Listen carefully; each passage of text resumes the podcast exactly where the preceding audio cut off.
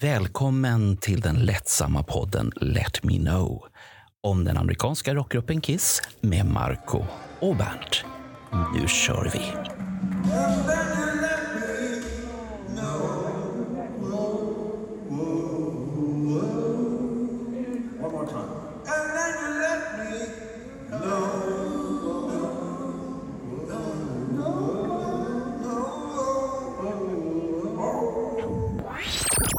Marco, Ja. vet du vad? Nej. Vet du hur många det är som har varit och tittat på Kiss 1980 i Göteborg? Nej, inte Det är fler än fem. Är det Det mer är fler än fem. Är det så många? Japp. Ja. Och det mest fantastiska är att hela tiden så hittar vi välkända eller ovälkända Kiss-profiler som på ett eller annat sätt har en story att berätta. Ja, och det, har- det, har- det värsta är att det har blivit ett problem då. Nej, För att det är nu, det- nu det- börjar det det, är ju sta- om jag säger så här, det börjar ju staka upp sig program på program på program. Mm. Så att nu har folk börjat höra det att vi söker folk. Ja. Nu kommer det hela tiden. Ja. Fler 76er, fler 80er, fler 83er. Men det Och- är bra grejer. Ja, det är bra som, grejer. Det är Så. det som är Mm. grejen. Och till det här avsnittet så finns det två stycken herrar. De är nog mest välkända för att de gör en fantastisk videovlogg om, Queen och de håller även på att härja runt bland Thin Lizzy. Och i och med att de är så jävla bra på det så var min fråga, hur bra är de på att berätta om sina minnen ifrån Göteborg, Skandinavium 1980. Ni borde veta vilka de är. Det är Mi- Mikael Almse och det är Magnus Roddan Rodén. Så att vi säger bara, vi släpper lös dem. Här. Ja. Välkomna. Tack! Tack, Kul. tack. Roligt att vara här. Ja, det, det, är, det är roligt att se er och som Bernt säger, eran Queen-vlogg och Tin Lizzy-projektet som ni har där, jättebra. Fler borde se det. Så det, den ska vi göra reklam för på vår grupp och pusha er så att ni får mer tittare. För det, man kan aldrig få för lite kunskap. Nej, ju- vi slåss ju en ganska stor ström av många bra bloggar och poddar just nu. Så att, eh, men jag hoppas att fler upptäcker oss. Mm. När, när vi säger att ni är bäst, då måste ju folk faktiskt förstå att ni är bäst. Och då tittar de. Ja. Vilken otroligt god smak ni har, Marco Ja, ja, tack så mycket. Ja. Du vet, Bernts ord är lag. Så är det. Kiss-fans har god smak. Ja, det har vi. Vi är ju spretiga överhuvudtaget. Det är väl därför Ja. man har fastnat för eran Queen och er Finn Lizzy. Men det är inte det vi ska prata om. Nej. Vi ska prata om vägen till konserten 1980, 10 oktober i Göteborg. Där Mm, ni yes. är unga och precis ska bli kyssta och bli av med den oskulden för Kiss överhuvudtaget. Där bli tagna. Men vägen dit, till Mm. konserten, hur upptäckte ni Kiss? Ska jag börja då? Jag som Ja. är äldst, något år äldre än Magnus Mikael är detta då. Ja. Jag hade ju då upptäckt Kiss några år tidigare. Jag flyttade från Göteborg ner till eh, Valda i Kungsbacka. Och där fick man nya vänner och man bytte eh, blandband och så vidare. Och så upptäckte jag Kiss, en kompis som hade det. Och då var det väl via Kiss Alive och Kiss Destroyer samtidigt och Dress to Kill. Alla de här plattorna gick i varandra så jag kommer inte ihåg exakt så här nu, det här var mitt defining moment. Men allting var ju, så fort man upptäckte Kiss så fanns det inte så mycket annat. Så det var ju underbart. Och sen så förstod man att Kiss hade då varit i Göteborg, 76 precis. Och det, då var jag för liten. Det tyckte mina föräldrar. Så när de då började bulla upp för att de skulle komma hit, då hade jag ju samlat på mig allting. Alla posters, eh, Rocky, Pop Rocky, de här tyska magasinen. Om man hittade amerikanska och engelska där det stod någonting så köpte man dem. Klippte ut de här små grejerna. Och eh, det fanns ju inget större än Kiss just då. Det här var ju liksom, de var en egen värld. Verkligen. Ja, Eh, okej. Var, var det som så, Mikael, att um, det, det vart ju väldigt mycket tidning över? Klippte du isär Eh, dem ner på artistnivå och skickade dem till andra människor som du sen bytte artiklarna med? Nej, jag var nog samlare redan då. Jag samlade på grenar och pinnar och stenar innan och frimärken. Och så här. så att när det kom de här Kiss-specialerna så köpte man ju två. För jag kunde sätta upp eh, affischer, för det, hela rummet var ju belamrat med affischer och så sparade jag en när jag hade möjlighet till det. Eh, men jag har också sett att jag, om man bytt till sig ett omslag med vi säger Paul Stanley som står med sin V-gitarr och siktar. Den var utklippt och så satt upp på en, eh, en stor eh, plakat. Liksom. Så det är men lite grann så att ja, när man var ung så man, man, man samlade på det man kom åt. Men jag sparade och jag har kvar alla affischerna. Mm. Dina originalaffischer alltså? Originalaffischerna finns kvar. Jajamensan. Mm. Fick du ha Häftigt. allting på väggen då? Ja, eh, till och med en, eh, den här lite mer skabrösa affischen från 75 där med en dam. Tror jag. Den, fast den fick jag nog sätta bakom dörren. Så att när man öppnade mm. dörren så fanns den där bakom. så. Var det, var det där med spindelnät du tänker på? Eller? Ja, det var från samma session i alla fall. Ja, okay. Mm. Det, det var den som Bernt har drömt om i sitt avsnitt där. Det är inte så att du råkar ha lite Runaways-affischer i taket också? Mm, jag hade inte det, men de satt på väggen. Jag har kvar dem också, Bernt. Mm. Mm. Jag förstod det. Och just det, jag, ja, jag såg att Cherry Curry kommer till eh, Sverige nu också. Väldigt nära er också. Eller väldigt ja. nära dig, Mikael. Jajamän. Ja, nu, var, nu ser du väldigt belåten ut där. Jag såg att de kommer till, jag tror det är Trollhättan, en rockklubb där. Så får man se om man orkar ta sig dit. Man ja, men det, det, kommer du göra. Vi får mm. se. Ja. Och, och, hur är det med Magnus då? Ja, den där resan med Kiss, alltså jag har suttit och funderat på det ganska mycket när det egentligen började. Jag, jag pendlade ju mellan Göteborg och Stockholm i mina unga dagar. Jag tror resan började 1975, för jag hade... Min moster var tillsammans med en man eh, och de gifte sig senare och han hade en pojke med en annan kvinna. Och I hans rum fanns allt. Det var ju Rolling Stones, det, var, det fanns Kiss, det fanns Queen, det fanns allt. Och Det första jag tror jag faktiskt, första kontakten, det var när jag såg The Originals, den här boxen med de tre första albumen. Eh, och Då tänkte jag, wow, vad är det här för något? Liksom? Så att, eh, och Jag var lite fascinerad över hur eh, eh man ändå inte visste speciellt mycket om Kiss. Trots att de var ju ett spektakulärt band på alla sätt. Eh, det var ju inte, som vi vet, det var ju inte eh, pressens favoritband. Liksom. Så att, eh, jag tror att ah, det är nog därför som det har blivit en sån stark foundation i Sverige. Att vi har byggt upp en trovärdig relation till Kiss utan att eh, musikkritiker och sånt har brytt sig egentligen. Så att eh, det, där nog, det är nog det som har gjort att man har följt bandet. och liksom de har, Det har blivit folkets band från början och det, det kände man ganska tidigt. Och så blev det också med Queen för mig. Liksom att Kiss och Queen och Sweet framför allt tror jag Eh, ABBA var lite fult att digga, för det var väl lite för melodiskt och lite töntigt. Men innerst inne så älskar man Abbas harmonier också. Det fanns där. Det var en, hela det 70-talet var väldigt speciellt, tyckte jag, när jag växte upp. Men Kiss följde mig och sen kom ju Alive. Eh, alla, och då hade jag flyttat till Kalmar eh, 76-77 någonstans. Det var Destroyer, det var Alive. Allting kretsade kring Kiss Eh, i lilla Kalmar så var vi ett gäng människor som köpte alla posters, hade allting på väggarna. Eh, hade en kompis som hette Lenny. Han byggde sin egna kissscen och snickrade ihop den. Så vi hade den ute i hans trädgård. Och vi stod där och spelade Kiss inför alla som bodde där i kvarteret. Liksom. Det, var, det var hängivna var vi, kan man säga. Okay. Hur, hur många gånger kom de att titta på er? Räckte det en eh, gång och så sa de nej, nu är jag upptagen? ja, precis. Nej, men det var, det var två, två stora Kiss-spelningar. Jag var med på den. Jag blev Paul Stanley. Jag var rödhårig på den tiden. Så det var väl lite roligt. Så jag fick ha en svart peruk och dra ner så såg man mina röda lockar under så här. Så det var lite roligt. Jaha, där ser jag. Paul Stanley. Ja. Jaha, okay. ja, det kanske ja. du passade. Var, var, du lika var du långhårig då på den tiden? Ja, det var jag ju. Absolut. Jag var ganska, min mamma var, älskade långhåriga pojkar. Jag vet inte varför. Hon tillät mig alltid att ha långt hår. I alla fall.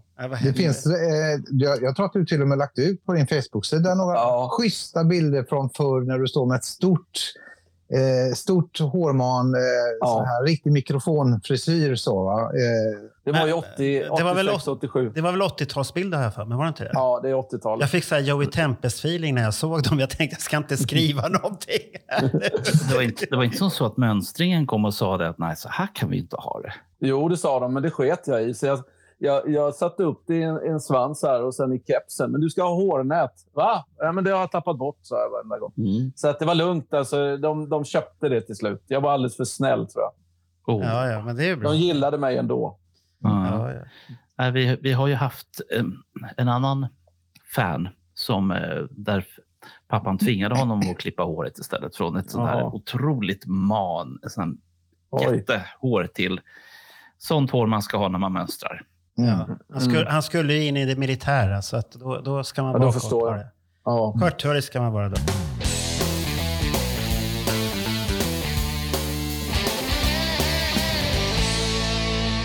Men hur fick ni reda på konserten sen då? Jag tror att man läste det nog. Jag kommer inte ihåg exakt. Jag tror att det stod i poster eh, någonting och sen så följde man ju när det var i Göteborgs-Posten som man hade som morgontidning. Och det var ju de här små annonserna så att det kom en annons där det var Peter Criss, Gene Simmons, Ace Frehley, Paul Stanley från Unmasked-illustrationen. Det var ju en på varje där och sen fortsatte de med några större så att det var ju, man var ju eld och lågor och att man skulle få gå och se det här. För hårdrock och konsert och Skandinavium, det var ju, liksom, det var ju lite småfarligt. Va? Var, var det din första spelning överhuvudtaget? Nej, min första var faktiskt ett halvår tidigare, men också på Skandinavium. Men då var det ju eh, Thin Lizzy, så det var min första kon- stora konsert.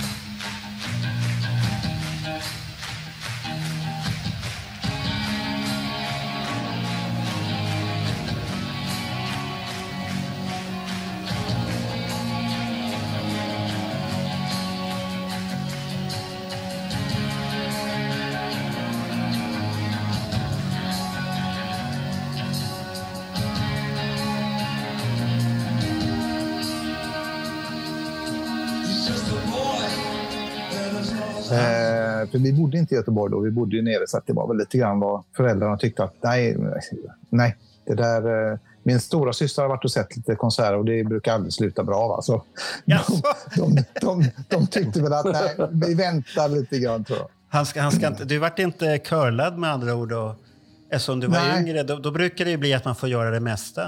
Mm, nej, men jag har en yngre bror också. Så att, eh, Okej, det, är han, det, det är han som är curlad helt... Han fick göra precis vad han ville då.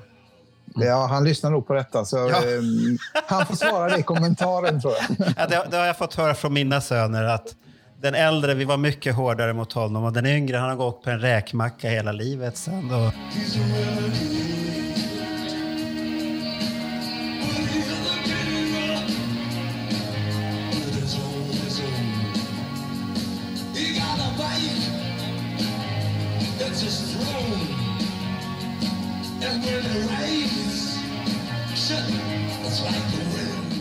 Nej, men det var så att, att det var via eh, Göteborgs-Posten och då sa ju väl föräldrarna till också att Mikael, har du sett nu att nu är det en liten artikel här, nu ska de komma snart och det var ju en otroligt lång väntan. Och så lyssnade man ju på skivorna under tiden, eh, hela tiden. Och det var ju inte att man tog ett spår här och där, utan det var att man lyssnade på hela plattan om och om igen. Eller plattorna. Ja, ja. Och, och du Magnus, då, hur, var det lika för dig? Ja, jag, jag tänker först så här. Jag, jag grät väl eh, ganska många år eh, då när jag bodde i Stockholm och Sweet och Kiss spelade inte långt ifrån varandra då på Gröna Lund. Och jag fick inte gå på någon av dem. Så och det, det höll jag ju inne i många år att jag måste ju bara få se dem någon gång. Och sen kom man ju i den här åldern i tonåren när man började få lite mer inflytande. Och sen följde man, man ju slaviskt. Det var ju poster, man kollade varenda gång, varje månad. Eh, Kiss är på gång. Det skrevs ju mycket att det var på gång hela tiden. Och, eh, och sen då när det väl blev dags, när jag fick Unmasked då, så tänkte jag så här att eh, då pratades det ju mycket om att de skulle på Europaturné under den perioden. Så att jag följde det ju slaviskt. Det var inte så att jag kanske såg det i Expressen att det stod, men det skvallrades mycket och det var alltid någon som pratade om det och sen var det väl den där vägen man fick det genom andra som gillade andra artister som hade hört Och eh, ni måste ju, Kiss kommer ju snart. Liksom. Wow! Det byggde man ju upp hela tiden, den här förväntan att snart är det dags. Liksom. Men Eh. hur, hur, hur såg ni på det här att Peter Criss var ju borta? Ja, jag kan väl bara säga att jag, jag tyckte det var spännande att eh, de eh, ville gå en ny väg. Jag reagerade inte så starkt på det faktiskt. Jag vet inte varför. För att det jag hade hört om Erik var väldigt positivt. Så jag, jag kände att han, han passade in väldigt bra i bandet direkt. Kände jag. Jag kände, jag kände nog att man förstod ju att det var lite problem med lägret. Man visste inte exakt vad, för att det som skrev i Poster och andra tidningar som Bernt har varit med, eh, det var ju liksom andra, tredje, fjärde hans eller, eh, ja, info som kom ut till oss. Men man förstod att Peter kanske inte alltid var den som var mest engagerad. Så, och han var också den som var den minst favoriten hos mig. Även om jag spelar trummor då, så var det väl just att han, hans eh, image och hans output var kanske inte på senare år så stark. Så när det kom in den här räven då som man fick se, så var ju det häftigt liksom. Att han eh, var ungefär lika lång som Peter, han var yngre, mer vital. Så att det, det var väl mer... Jag sörjde nog lite grann att jag inte fick se original-Kiss.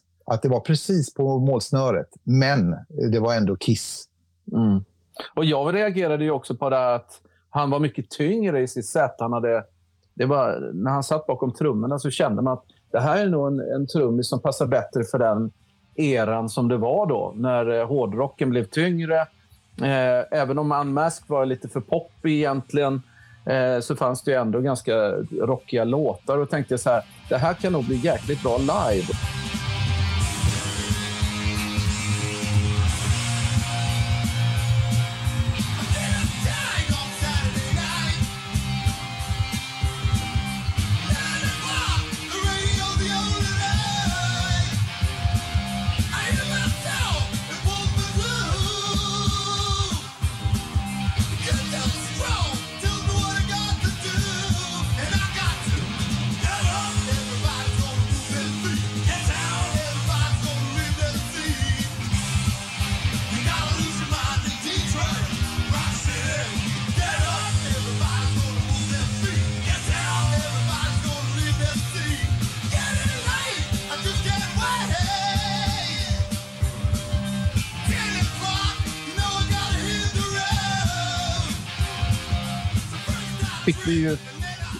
Bekräftat framförallt på Creatures of the Night sen att det, här hörde vi ju verkligen potentialen som Erik Carr hade.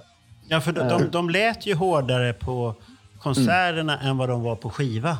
Absolut. Så var det ju, för det var ju inte de allra roligaste skivorna då. Idag kan jag väl uppskatta de som hade kommit precis där då. håller- Unmasked. Men, men de var ju mycket hårdare live i alla fall när man fick se dem sen. Då.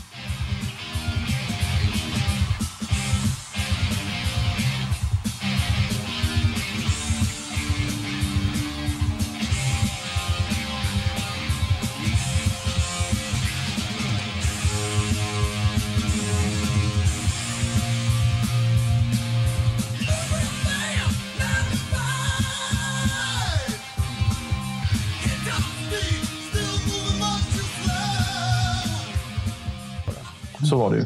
Ja, jag håller med Marco där. Att, eh, på den tiden, det var ju det yngre Kiss, eller det som var fram till Alive. Sen kom Destroyer som var en helt annan platta. Och Rock'n'Roll Over, underbar. Eh, Love Gun var också bra, hade bra låtar. Men man, jag kände att det var vissa låtar där som började bli lite svagare och det kändes lite grann... Och sen då när de här Dynasty och eh, Unmasked kom så var det betydligt poppigare. Så att det var inte riktigt mitt Kiss, även om det var Kiss. Och det är då man börjar snegla på andra band och så vidare. Men de fanns ju hela tiden med. Mm. Eh, men det, man gillar dem ändå. Kiss fanns i DNA och man, eh, eller jag, eh, lyssnade på plattorna och man hittar alltid någonting som var bra i alla låtar. Mm.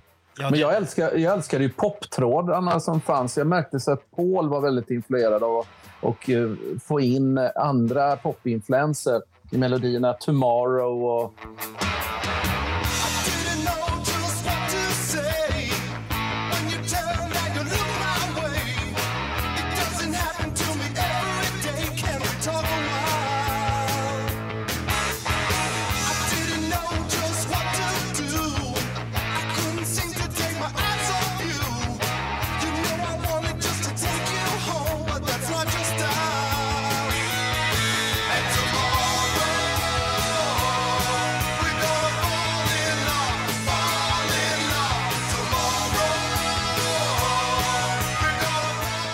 Is that you? Man hör liksom att han har en popkänsla. Och jag gillade ju det.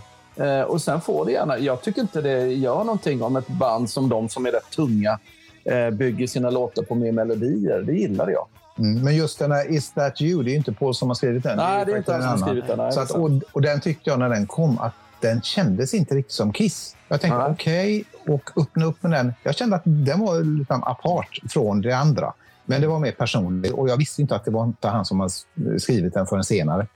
Sen gillade jag Ace också, Talk to me. Liksom. Så det var ju... eh, Ja, men han, han, han, var, han var ju lite hård fortfarande ändå. Mm, Ace på exakt.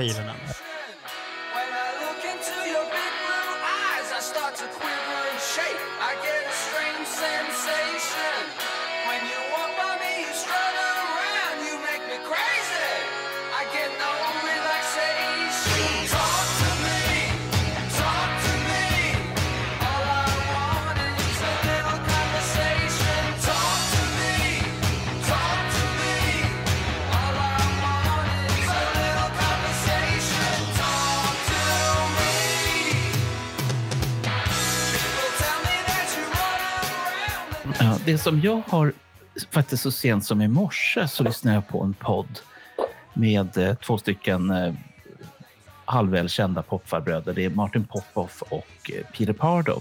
Just det. De, hade ett, de pratade om Kiss och Kiss skivor så sent som nu på morgonen. Och det som de konstaterade är att Kiss har gjort alldeles för få skivor för, under sin karriär. Eh, och det resonemanget kring det är att man går tillbaka och lyssnar på de skivorna som många inte tyckte om. Mm. Typ som Unmasked, som eh, Pauls soloalbum eller The Elder. Mm. Eh, idag finns det liksom så här tjocka böcker om The Elder, så här tusen Mm. sidor Ja, av Julian. Gill. Ja. Eh, så att deras slutsats är att Kiss har gjort för få album. De är så få så att man måste gå och lyssna på de som man inte tyckte om och sen inse att ja, men de, de var nog bra i alla fall. Men, Ja. men tror du inte att det har mer att göra egentligen med att man själv skaffar sig ett bredare eh, ja, smak? Smaken blir bredare, du ser på ett helt annat sätt, du uppskattar andra musiksorter. Då kan du komma tillbaks och lyssna på den här skivan, till exempel The Elder, att den är inte så farlig. Och vi fick ju höra där på ölreleasen, Carl Jems version av The Oath. Då så- gick jag ju fram till Jolle och sa nu förstår jag vad Ace menar. Det här är ju heavy metal när ni spelar låten. Mm. För då lät det ju det här Mm. tu- tunga som Ace att nu blir det heavy metal. Där lät det heavy metal. Men på skivan kanske inte låter likadant. Nej, men- det, så är det väl när man har en producent också som Mm. de hade som kom in. Jag menar, Shandy var väl en stor hit i Australien om jag inte missminner mig. Oh ja. Ja. Eh, Så att jag förstår det på något sätt att de hittade en annan publik där också.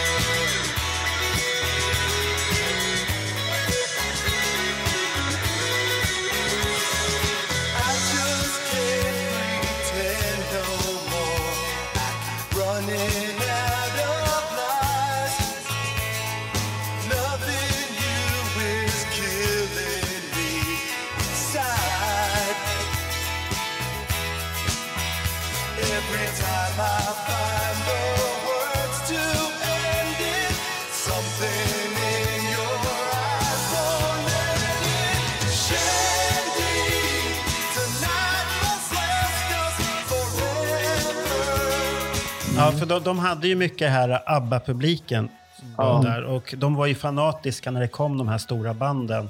Mm. Eh, sen kan man väl plocka isär Kiss besök i små bitar och det kanske inte var så stort som man ser på videos, men de hade ju fullsatt på sina konserter och alltihopa. Det hade Ja. de ju. Men Skandinavien märkte jag ju när jag stod där. Jag, och jag kommer, återkommer till det när jag väl skulle ta mig in med min kamera. Jag märkte ändå att scenen inte stod längst bak i, Skandinavien utan det var ju halvfullt, så att säga. Det, var- det, vet det, var- det var det här moderna sättet som man gör nu för tiden. Ja, just det. Att man fyller... Scenen växer med bandet om man säljer fler biljetter. Det är, Ja, lite, det. det är lite skumt det där, men det kanske funkar det också. Mm. Då kan jag bara säga en sak. Jag såg Iggy Pop där en gång. Eh, det var när han släppt albumet Instinct, tror jag. Och de hade bokat in honom på Skandinavien. Och det här var liksom, de hade liksom scenen stod precis i ena runden. Att den stod emot där, så att det var liksom 1500 pers tror jag var där inne. Det var en jättebra konsert, men det var ju helt fel ställe och honom. Det Ja. var även, Andy McCoy spelade gitarr med honom på den turnén.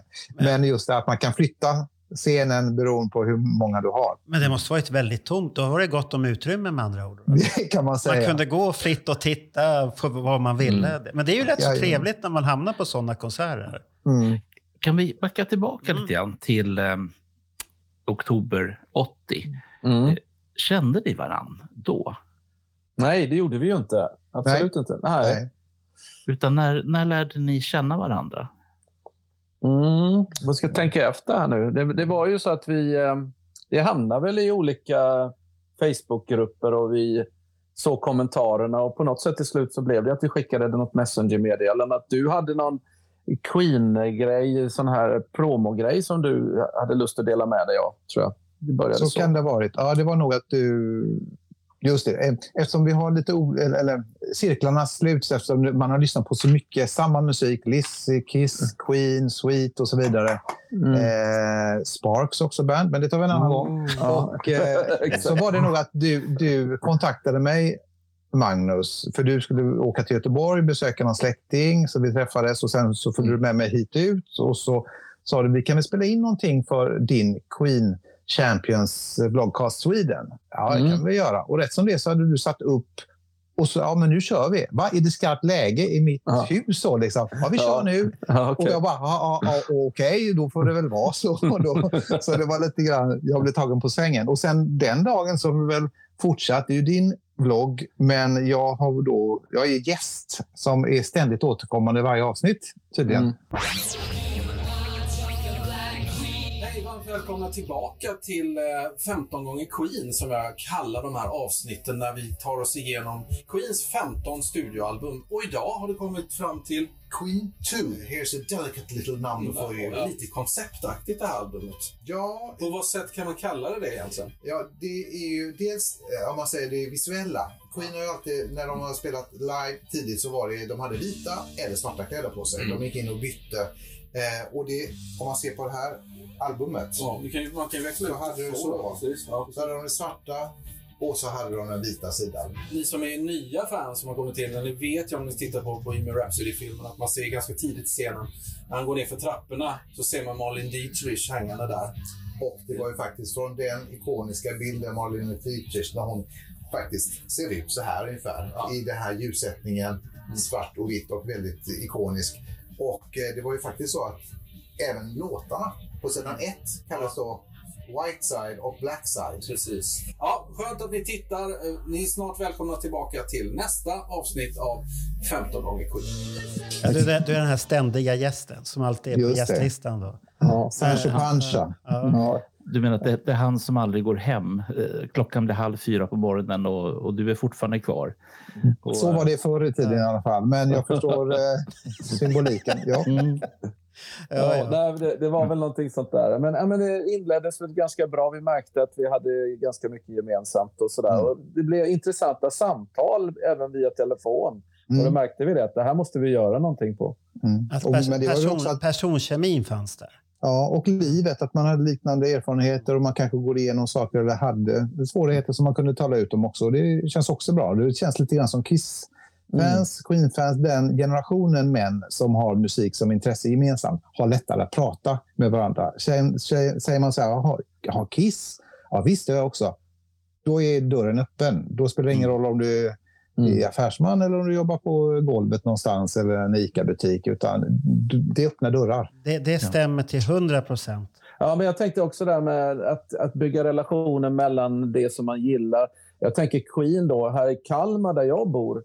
eh, Det, det är väldigt få som kan någonting om Queen här. Väldigt, men däremot är det många som har sett Queen och har en relation och gillar musiken. Men att börja diskutera, sitta i en eh, podd i 65 minuter, det finns inte. Det, har blivit så här att de, de som man verkligen kan bygga de här relationerna det har ju blivit i Facebookgrupper där vi hittat varandra. Men, men det här med du sa att alla gillar Queen. Jag kommer en liten rolig grej här. Det, Ja. var, det var väl inte för... Jag har ju träffat en ny här för några, en månad sedan ungefär. Mm. Eh, och vi dejtar. Och så var det någon Queen-hyllning på Globen. Ja, just det. På, Ja. Du menar Queen Champions? Och jag satt och tänkte, för jag skulle Ja. hem till henne. Hon bor ju precis nära det. Ja, men jag ska nog överraska henne och köpa biljetter till det där. Ja. Och så Champions satt- of Rock. Ja, Champions och jag satt och precis. hittade biljetter till nästan första eh, frontlinjen där, direkt när man Mm. satt. Visst, de var dyra, men jag tänkte ja, men man kan unna sig där. Och så Ja. tänkte jag så här, ja, gillar hon Queen? Ja, just det. Ja, ja, jag väntar ett tag och bokar de här biljetterna. Så satt jag på tunnelbanan och skickade, är du sugen på att gå på konsert? Ja, vad är det för The Queen. Och då kom det bara tre stora bokstäver. Nej. Nej. Och jag varit jätteförvånad. Hur kan man inte gilla Queen? Det var för mig så här, jaha. Och så satt vi och diskuterade, men det vart ingen Queen då överhuvudtaget. För att jag, jag tänker inte gå själv dit.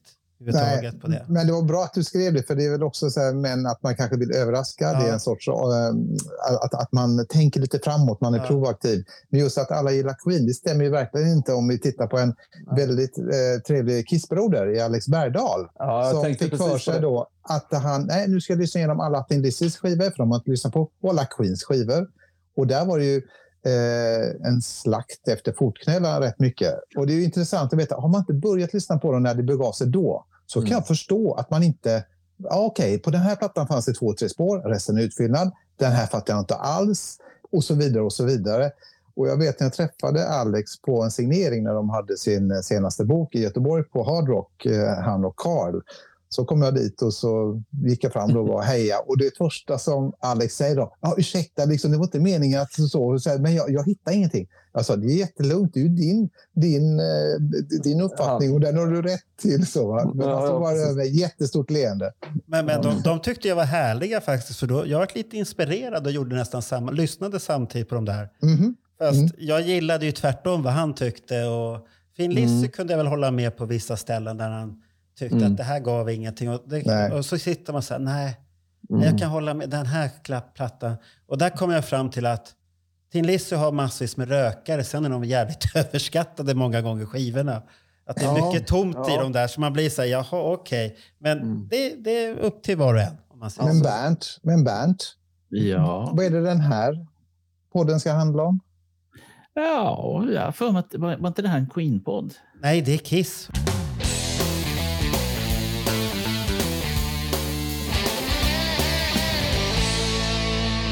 Ja, var köpte ni biljetterna? Kommer ni ihåg den processen? Ja, jag satt i, absolut. Jag satt ju i telefonkö som man brukar göra när man ska gå på Skandinavium eh, och eh, inväntade samtalet att bli uppringd. Liksom. Och det, jag, jag tror, att- jag vet inte vad det måste ha varit. Telefonvakten. Telefonvakten, ja. Så att, och då vet man, då fick man en preliminär tid att de skulle ringa någonting. Och jag tror att jag fick nästan åka hem från skolan där för att kunna... Måste ju fånga in de här biljetterna liksom. Jag är osäker om det var så eller om vi, för jag vet att vissa konserter så var vi ett gäng där vi då fick åka in och man visste att eh, klockan tio eh, den dagen så släpps biljetterna vid Skandinavium så man åkte dit till biljettkassan innan Mm. man uppfattade senare att det fanns även andra biljettkassor. Men då åkte man dit tidigt, man blev körd in kanske och så fick man vänta. Osäker på om det- var vid detta tillfälle, men det var en helt annan app- apparat. Du måste vara Mm. med och du skulle vara först och stå i kö och allt detta. Va? Ja, ja. Och, och, så, och så hade de ju inte det här progressiv ma- biljettpris då som de hade idag. Nej, se, 65 kronor, det var överkomligt Ja, kanske då. det, Men jag det, vet det, det är tur. Det, det är Ja, det bra pris. Men nu, då har ni ju biljetten och då börjar vi komma till dagen. Ja. Mhm. Hur Eh, uppspelta var ni? Oh. Och hur, och hur, laddade ni, hur, hur laddade ni upp? När Oh. kom ni dit? Och så kan vi inte heller ställa frågan, såg ni varandra? För det visste ni ju inte då. Nej, jag var ju så uppspelt, för jag skulle åka från Kalmar. Eh, jag tror jag åkte dagen innan eh, konserten. Jag vet inte, var, var det på en fredag eller lördag? Jag kommer inte ihåg det nu. Det var en fredag. Det var en fredag. Så Ja. jag kom, kom ihåg det att jag tror, om inte jag missminner mig, så åkte vi torsdag kväll från Kalmar till, och till min moster. För jag, de, de bor ju uppe på Gu- Guldheden eh, och hållet. Då, och, eh, och jag kände ju bara wow, jag måste ju eh, ladda upp det här. Och jag satt ju och i hennes, som jag berättade om innan, han, pojkrummet där, han hade ju massa musik. Jag, jag var ju supernervös inför det här. För jag skulle ju gå själv. För det var så här att det var, jag skulle egentligen gått med en kompis, men jag fick åka själv. Eh, och det var ingen som skulle följa med mig, så jag tänkte... Men det var nog tur det, för jag var så uppspelt, för jag skulle ju få med mig min kamera. Jag hade ju en Pentax K1000 kamera. Det var min första systemkamera jag fick. Den hade jag fått när jag hade konfirmerat mig bara några månader innan. Eh, och så hade jag ett 70-210 zoom, ett Tokina. Och hur fasen får man in den när det är förbjudet att fotografera? Ja, jag vet, jag vet. Ja, Man tejpar den på kroppen och på kamraters kroppar. exakt så gör man. Eh, så jag gjorde någon sån variant att jag tog objektivet under armen, precis här runt, jag tror på vänster sida, nära bröstkorgen där. Och sen eh, satte jag runt någonting, jag band fast den. Jag hade en bra jacka med så att den var lite pufflig, så här puffig, så att man såg inte det. Och sen stoppade jag ner kamerahuset i brallan. Jag vet inte hur fasen det gick till, men eh, trångt var det. Eh, men det var så jag tog mig in och jag lyckades. Men det svåra var ju när man väl kom på plats. Det var ju vakter som stod och kollade hela tiden. Mm. Och jag fattar inte hur jag lyckades, för jag tog ändå rätt många bra bilder och slängde upp kameran. Och liksom eh, kände mig supernervös för att skulle de se den så hade de beslagtagit den. Mm. Jag hade lite samma där, att jag tog också med, för jag var ju fotointresserad, men jag hade inte en sån systemkamera som du hade, utan jag hade en sån här liten platt pocketkamera som var lättare att dölja. Jag kommer inte ihåg om jag hade den innanför stöveln eller om jag hade stoppat ner den i byxan. Jag, jag visste så här, jag kan bli av med den. Det, det var jag värd att riskera. Mm. Men skulle jag bli utslängd också? Man, man fantiserar ju att de här vakterna var ju, oj, har du kameran? Nu blir du utslängd. Ja, men jag har ju biljett. Du blir utslängd. Mm. Eh, Men, men jag lyckades få in den också och eh, stod där på ja, femte, sjätte rad och plåtade. Men jag har ju sett dina bilder, Magnus. De är Mm. väl med i boken Kiss i Sverige? va? Ja, ett par stycken. Ja. Jag är jätteglad över det, måste jag säga. Ja, men de, de är ju riktigt läckra. Mm, Läckra nej. minnen.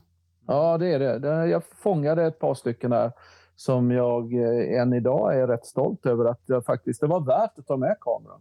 Men ja, jag tittar i boken just nu och jag ser sidan 64 där det börjar. All right Gothenburg. Så Mm. på sidan 65 så ligger ju din jättefina bild längst upp. Mm. Eh, och sen nästa upp, om, eller uppslag så har du fler bilder där. Den här boken måste man ju ha. Men jag vet inte om det finns några kvar att köpa. det, det finns. Jaha. Det Ja, finns. där är det. Nu visar vi den här igen. Jag tog med mig ett ex för säkerhets skull här. Så Ja, det, det finns. Jag har några lådor kvar. Okej. Ja, men de har börjat gå åt. Folk har ju Mm. börjat höra den här podden här som marknadsför boken Kiss i Sverige. Man skulle ju kunna tro det att det är därför Men, vi gör. men upplagan, vad är det? 3000 eller vad är det? Nej, det, nej, det kommer jag inte. Det kan ha varit två eller två fem. Det kanske, jag tror, nej, jag tror att det var nog under 2000 tror jag upplagan var. Det var så? Okej. Ja. Ja. Och Från det, upplaga till, till uh, ursäkta att jag avbryter det, men jag tänkte bara, för jag är så uppspelt nu, för nu är jag nästan tillbaka utanför i Göteborg. Jag åkte in med kompisar som var i samma ålder som jag. Mm. Och sen så, man, man gick upp till hotellet, till eh, Park Avenue, för man trodde Ja. kanske att de skulle vara där. Det gick Mm. rykten. Så där Mm. hängde man och där såg man ingenting. Och sen Nej. så blev klockan mer och mer och så gick vi ner och där vid, eh, vid Skandinavien, där vid den stora klockan. Och så blev man inslussad där och så in på parkett. Och där såg man och väntade och så spelade den här eh, för intro och alltihopa. Och det var ju, man gick ju av på mitten liksom. Hade man haft möjlighet så hade man gått och bytt byxor innan de började där. Mm. men hur, hur var ni klädda? Hade ni så här uh, jeansjackor med märken och patchar och alltihopa? Eller? Ja, jag hade jeansjacka med eh, Kiss-emblem på, tror jag. Eh, Om jag inte missminner mig. Och sen köpte jag ju utanför, för det var ju många så här bootleg-säljare där ute. Eller vad kallar man det? Eh, Ja, det, ja, piratsäljare. Piratsäljare, Ja, ja. precis. Och de, de sålde ju på mig en sån här. Den har jag kvar än idag. Den svarta scarfen med Kiss-loggorna så här utspridda Mm. på hela. Och så står det European Tour 8081. Den har jag ju kvar. Den hade jag ju givetvis runt huvudet, tror jag. Vilken vacker syn! Det stora röda krulliga hår som, bandana. Ja, han, han tänkte att han skulle se rockig ut kan jag tänka mig. Det fanns nog en baktanke med det här. Grejer. Det kan bli tjejer ikväll tänkte han. Ja. Men en, tror- ja. en sak som jag funderar på. De, hade de inte turnéprogram? För det missar jag. Jag brukar ju alltid köpa turnéprogrammen. Det Men jag missade det denna gången av någon Vad anledning. synd, vad synd om dig då. Men det, Ja, det är skaffade jättesynd om jag. Ja, det skaffade jag. Och eh, när man, eh, eftersom jag är intresserad av att rita och gick vidare sen som grafisk eh, Ali Mm. och så vidare, precis som Marco där, så tittar jag på det här omslaget och ser man, men vad konstig Eric ser ut. Så ser man att de har tagit Tippex och målat dit den sminkningen som de tyckte han skulle ha. För han har ju en annan sminkning än de omslagsbilden. Ja. Men Just det. det fanns, jag köpte, jag köpte eh, turnéprogrammet, jag köpte den här lilla kartan med fyra badges på. Den här med, Ja, just det. Men det hade jag med. Just det, och det den, den har jag kvar idag, eh, intakt. Så jag var ju så pass samlad så att nej, jag vill inte plocka bort dem och sätta upp. Utan eh, jag, jag är glad för det idag. Alltså, du, du började då. samla stenhårt redan då. Så att du, det här ska Ja, ja, inte ja. öppnas för turnéboken. det. Bläddrade du i turnéboken? Den såg Ja, jäkligt ja, fin ja. ut. Ja, men den ser lite, den jag ser nu att den är lite... Den är, lite den, nej, det vet jag Oskar. Du har nog fler ex. Ett blädderex. Ja, jag- Nej, Jag inte detta faktiskt. Inte och jag detta. tror faktiskt jag tror att jag kanske då hade, att man köpte den innan, för man visste inte tänka om de inte finns efteråt. Nej. Och så stoppar man väl ner det innanför byxlinningen, så man hade den mot magen. Ri- Risken Men du, att de den blir svettig. De här, bad, de här fyra badgen man kunde köpa då. eh, Och det som retade mig med dem var ju att Kiss-loggan var ju den tyska då. På, de, på dem tror jag. Z, ja, Det eh, spegelvänd Z.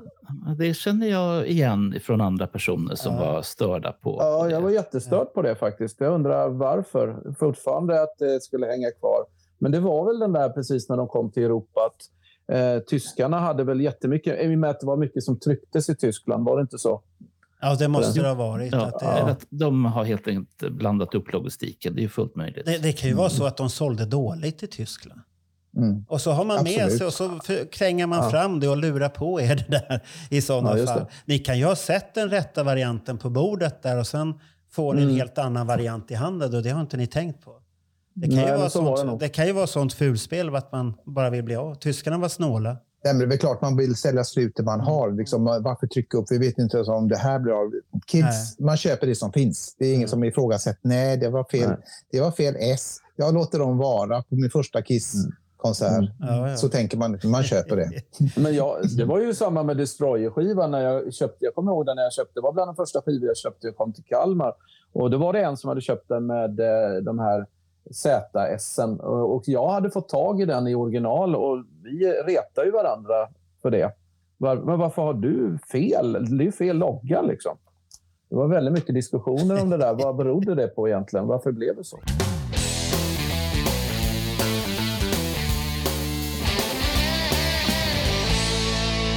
Kommer ni ihåg någonting om Iron Oh. Maiden? Oh ja, Oh, ja. mm. jajamän. Hade, Iron hade, ni, Maiden. hade ni hört talas om dem innan det här? Nej, Ja, ni- inte, inte mycket. Jag hade, jag hade hört talas om, eller sett Eddie, då, eh, deras kända eh, Maskot där. maskotten. Ja, precis. Eh, jag, jag, det hade jag sett och jag hade möjligtvis hört Running Free, tror jag. Eh, tänkte väl, det var väl okej. Men jag blev faktiskt riktigt tagen av Iron Maiden och gick och köpte skivan efter konserten, för jag tyckte att de var väldigt bra.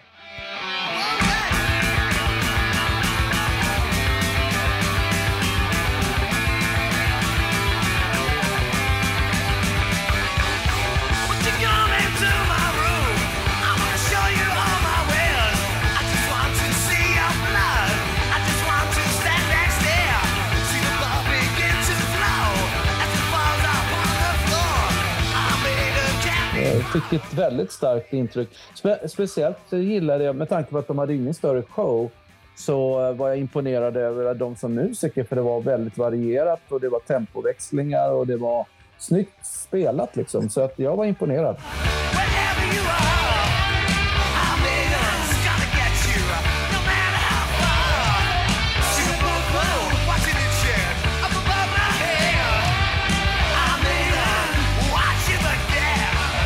Jag håller med dig. Och jag, jag är osäker på om jag... Vi var ett eh, killgäng där, där vi köpte skivor och så lyssnade tillsammans och spelade in varandras och så. Jag tror faktiskt att vi hade inte lyssnat på dem innan. Jag är osäker. Men efter konserten så blev jag så pass tänd på att...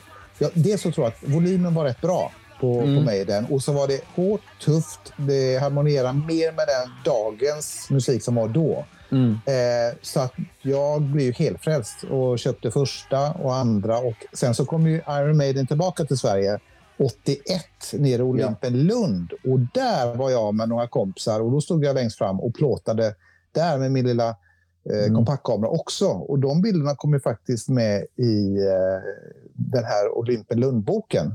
Mm. Och, och även en annan bok som hette Scream for me Sweden, tror jag. Som Ja, en svensk det. kille satte ihop. Så att de bilderna eh, blev ju faktiskt någonting av. Så det var kul. Men Maiden har jag följt eh, fram då, ett par plattor till. Mm. Ja, Ja, men, ja, Maiden blev ju ett band som jag verkligen följde stenhårt på 80-talet efter där. Jag blev ju ganska stor fan och jag var väl också sån där först lite skeptisk. Va? Skulle de byta sångare redan då? Eh, men sen förstod man ju som du sa Mikael att det händer mycket bakom kulisserna som man inte vet om.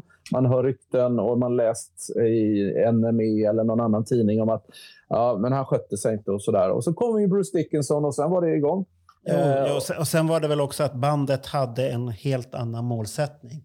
De, ja. de ville gå till nästa steg, om man säger Precis. Och där passar väl Mm. inte Paul Diano in. Men jag gillar de plattorna med Paul Diano, för det Ja, en absolut. blandning utav punk och hårdrock, tycker jag. Där. Det, det är så här, Absolut. man vet Mm. inte riktigt vart det är på väg. Och det är stökigt och hans röst är riktigt fin de här Mm. skivorna. Som Killers där när han håller på med sina ljud på låten. Ja, jag håller med dig det, helt och det hållet. är riktigt De- grymt, hela den där. Det- Och jä- jämför, jämför man med Kiss då, som var inne egentligen i en brytpunkt får man säga. För att Eric Carr när han kommer in och sen ville de bli världens hårdaste band igen. Jag tror att de blev väldigt inspirerade av Iron Maiden efter den turnén, tror jag. Lite grann och inse att fasen, vi vill också vara hårda. De kan nog ha insett efter den turnén att Mm. vi är för mjuka. Ja. Och nu, men då skulle de göra den här världens hårdaste skiva. Ja, som vi, som, som, de har inte varit riktigt som det, men så kan det ju vara. Men Mm. sen när ni har sett Iron Maiden, då kommer ju en liten Mm. paus, lite uppladdning där. Mm. Det börjar tryckas på med mer med folk. Mm. Satt ni bra eller var det kaotiskt där ni var? Jag var i mitten, eh, eh, Mm. nästan mitt fram, framför, lite till höger, men bara lite grann. Och vi höll ihop eh, kompisarna där. Så Mm. Man kände ju varandras andedräkter och eh, armhålor och sånt där, men man vågar ju inte flytta sig och man vågar inte gå på toaletten för då hade du inte kommit in igen. Och sen när introtejpen börjar och det var rejält högt för små pojköron så där, så var det ju, det, det- var ju helt otroligt. Eh, den euforin, och den har jag bara känt då innan med Thin Lizzy ett halvår innan. Eh, Mm. och det glömmer jag aldrig när de här magnesiumbomberna briserade. Men Kiss var ju en helt annan, annan femma. Det var show på ett annat sätt.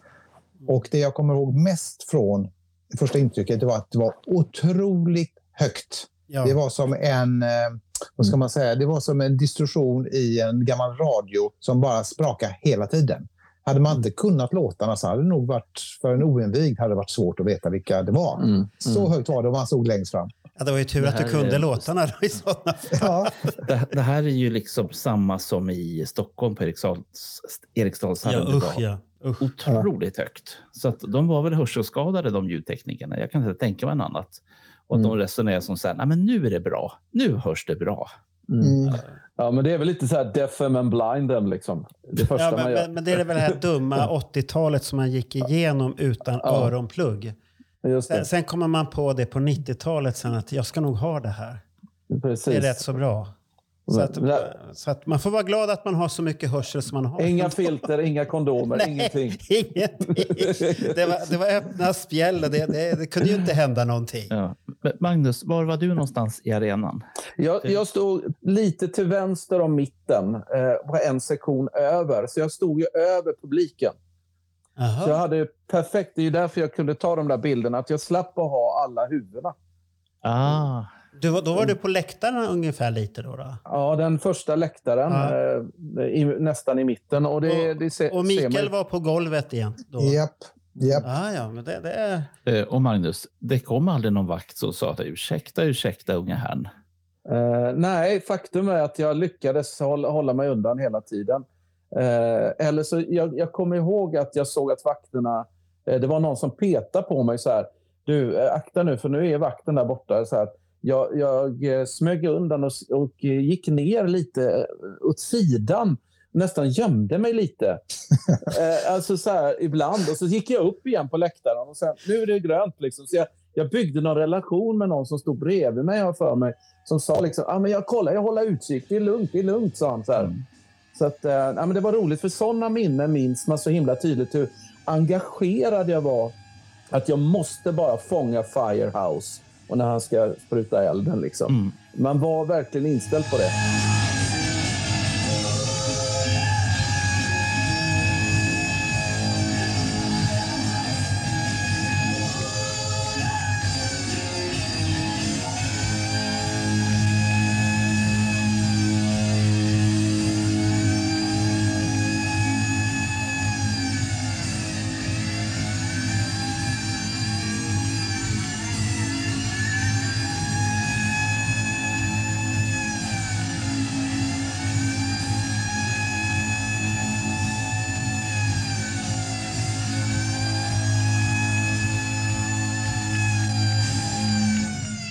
Men jag kommer inte ihåg att det var så tidigt på konserten. Firehouse var redan femte låten, tror jag. Ja, det är femte låten. Ja, precis. Och det, det minns jag inte riktigt. Men, men självklart så minns jag ju när det blåste till i mina lockar när Detroit Rock City körde igång. Det var jäkla tryck alltså.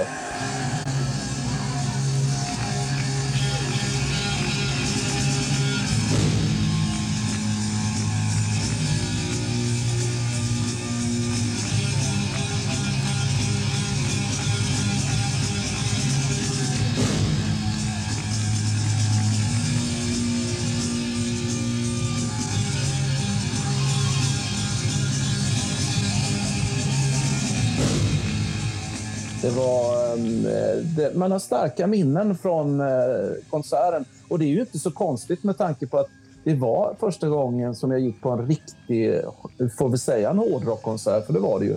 Ja. Eh, och eh, jag, jag, första gången jag gick på Skandinavium, då såg jag ju Jesus Christ Superstar när jag var sju år med Agneta Fältskog som sjöng. Det var ju lite skillnad kan man säga. Eh, ABBA-fantasten i mig är ju redan avundsjuk på dig. Ja, okej. Över att du fick se henne. ja. ja, jag var ju störtkär i Agneta direkt. Liksom. Så var Ja, ja. Okej. Ja, ja. Men, Mm, jag, var, jag var en Frida-kille. Jag var Frida. alltså, okej. du var Frida-kille du? Ja. Okej. Och Bernt? Han förstod ingenting på den här tiden. Nej, du var late bloomer. Jag, jag skulle nog...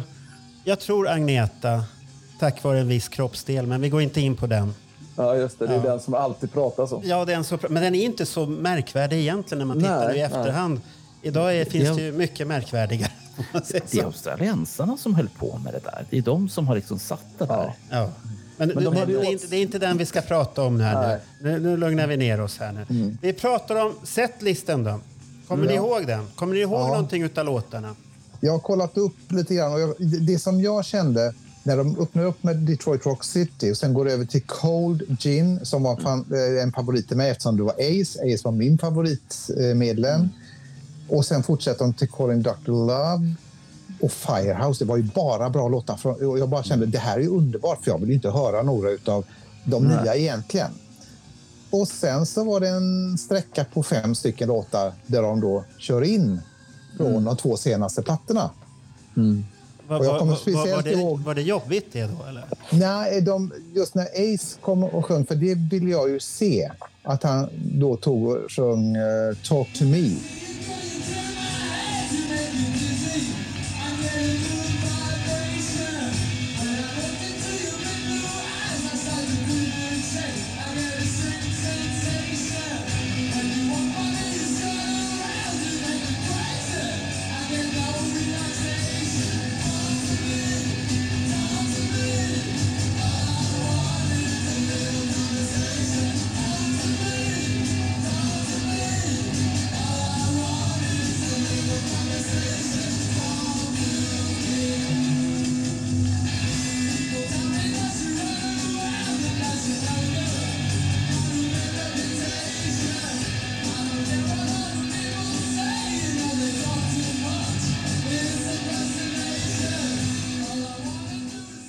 Den, jag, jag, jag tyckte det var underbart. Va?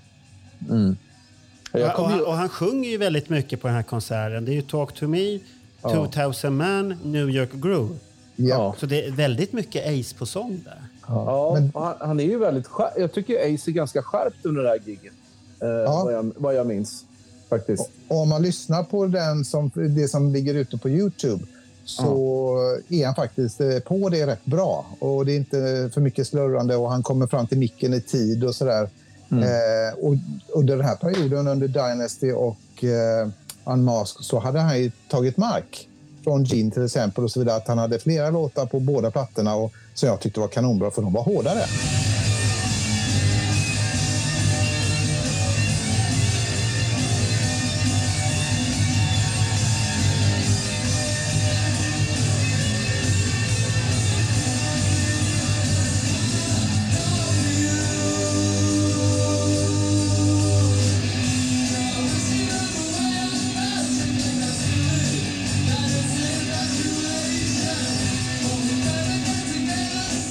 Absolut. Jag är lite fascinerad att du ska säga att han kom fram i tid till mikrofonen. Du har, du har, inte, du har inga stora krav på där, bara du kommer fram i tid. Ja, får, ser- väl, får han inte betalt eller?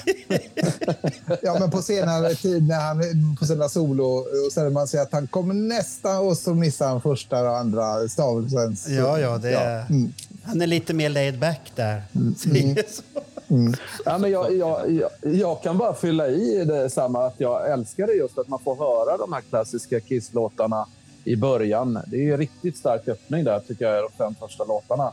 Men det, jag tror det var smart av dem att ta in Acen som blev lite av den som tog över. Talk to me, 2000 man och han fick göra sitt solouttryck. Ja, Det är klart man minns den här glödande gitarren. Liksom. Det var rätt efter. Jag har sett de här dåliga klippet från eh, Göteborg. Eh, det är ju suddigt och sådär, men man fattar ju grejen. Man, man lyfts tillbaka eh, och minns det här ganska tydligt.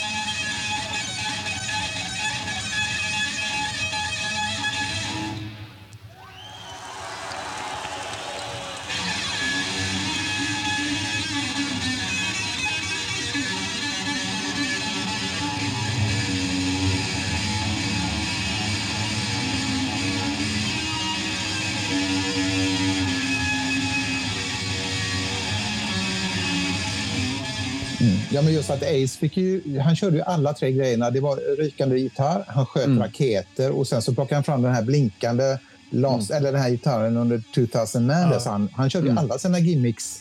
Som, som en ung fan fick man ju se allt liksom. Och du såg eh, eld och eh, bloddrägling där också. Så att det var ju de här grejerna man ville se. Ja. Hur, hur var det med Gene Simmons då? Vad, vad gillar ni det där då med bassolot och Ja, blodregnet och allt det här? Jag, jag upplever ju alltid Gene som att eh, det, är, det är en stadig del av showen som man räknar med. Eh, jag, var, jag var nog inte lika imponerad eh, av Gene som jag kanske var av, av faktiskt Ace, tror jag. Jag vet Jag inte, var, Ja, jag jag vet inte varför. Det kändes som Gene hade en lite, att han var inte så dominerande som man har sett tidigare eh, innan man såg honom live och under de här, den här perioden. Att han var lite mer vid sidan om. Han hade den röda capen på de första låtarna. Att han stod mer och, och tittade ut på pu- publiken, eh, juckade lite grann, pekade. Men Paul hade kommando och Ace hade kommando så var det en ny trummis. Mm. Eh, så Gene var lite mer laid back. Kan, kan det vara att han, inte, han var lite missförstådd i foliedräkten där?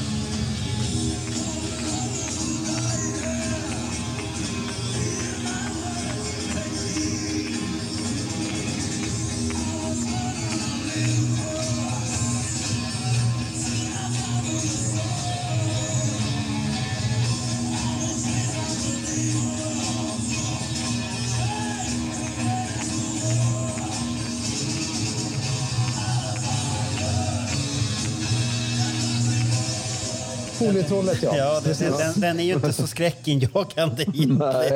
Nej. Den är ju häftig när du ser den i närbild, men på långt håll så ser det bara skrynkligt ut. Nej, Jag, jag gillar ju verkligen Ace direkt. Jag gillar ju det här med speglarna, att det blir såna häftiga reflektioner eh, i ljuset när han rör sig. Så att, eh, nej, jag var nog mer imponerad av det. Men jag tittade väldigt mycket på Eric Carr, minns jag nu.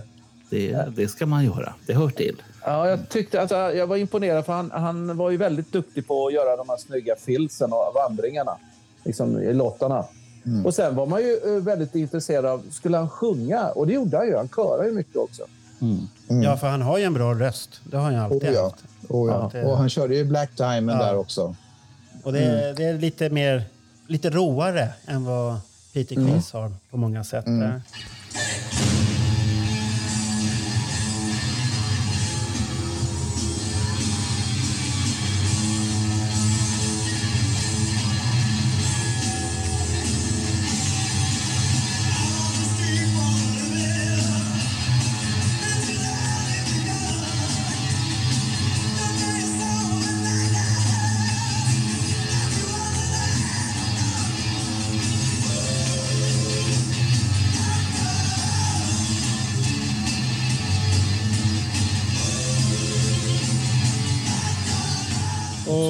Trumsolot, kommer ni ihåg någonting om det?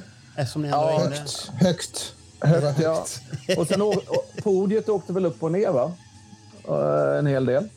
Eh, det vet jag inte om det gjorde. Jag tror att det var ett... Eh, Det vågar inte jag svära på. Jo, åkte men det verkligen upp?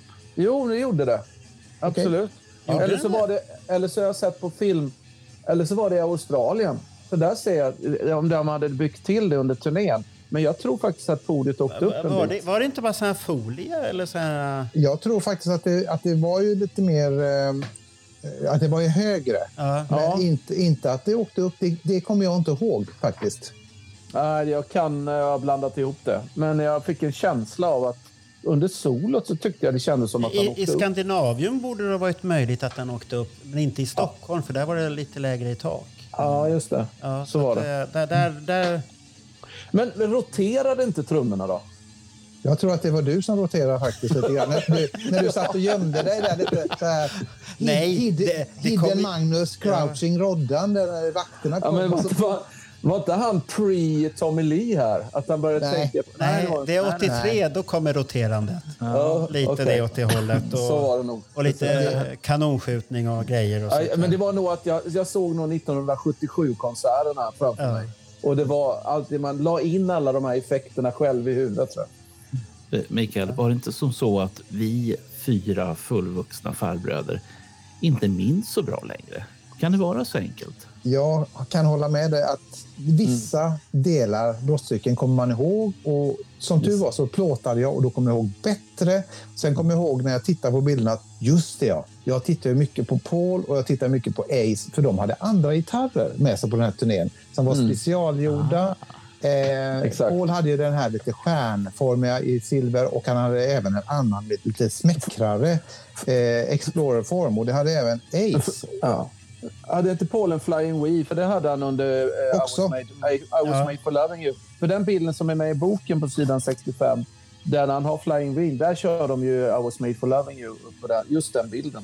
Men det är, inte en, eh, det är ingen sån eh, Gibson, utan det är en annan variant. Ja, Och, det är en eh, annan det- variant.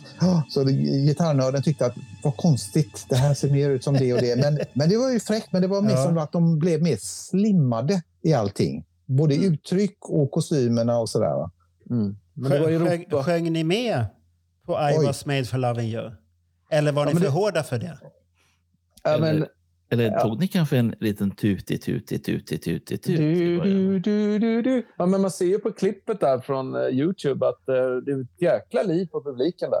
Så risken finns att ni sjöng med? Jag var nog med. Jag hörde Ja, ja. mig där. Jag tyckte jag hörde mig där någonstans. Ja. Jag sjöng med i, all, i allting. Eh, då man, I allting. Och så sträckte man upp sin lilla pocketkamera och ingen tittar. Så många av de bilderna jag tog är att man sträcker upp armarna, riktar den så rakt man kan och så trycker man av och så ner med kameran igen. Ja, ja.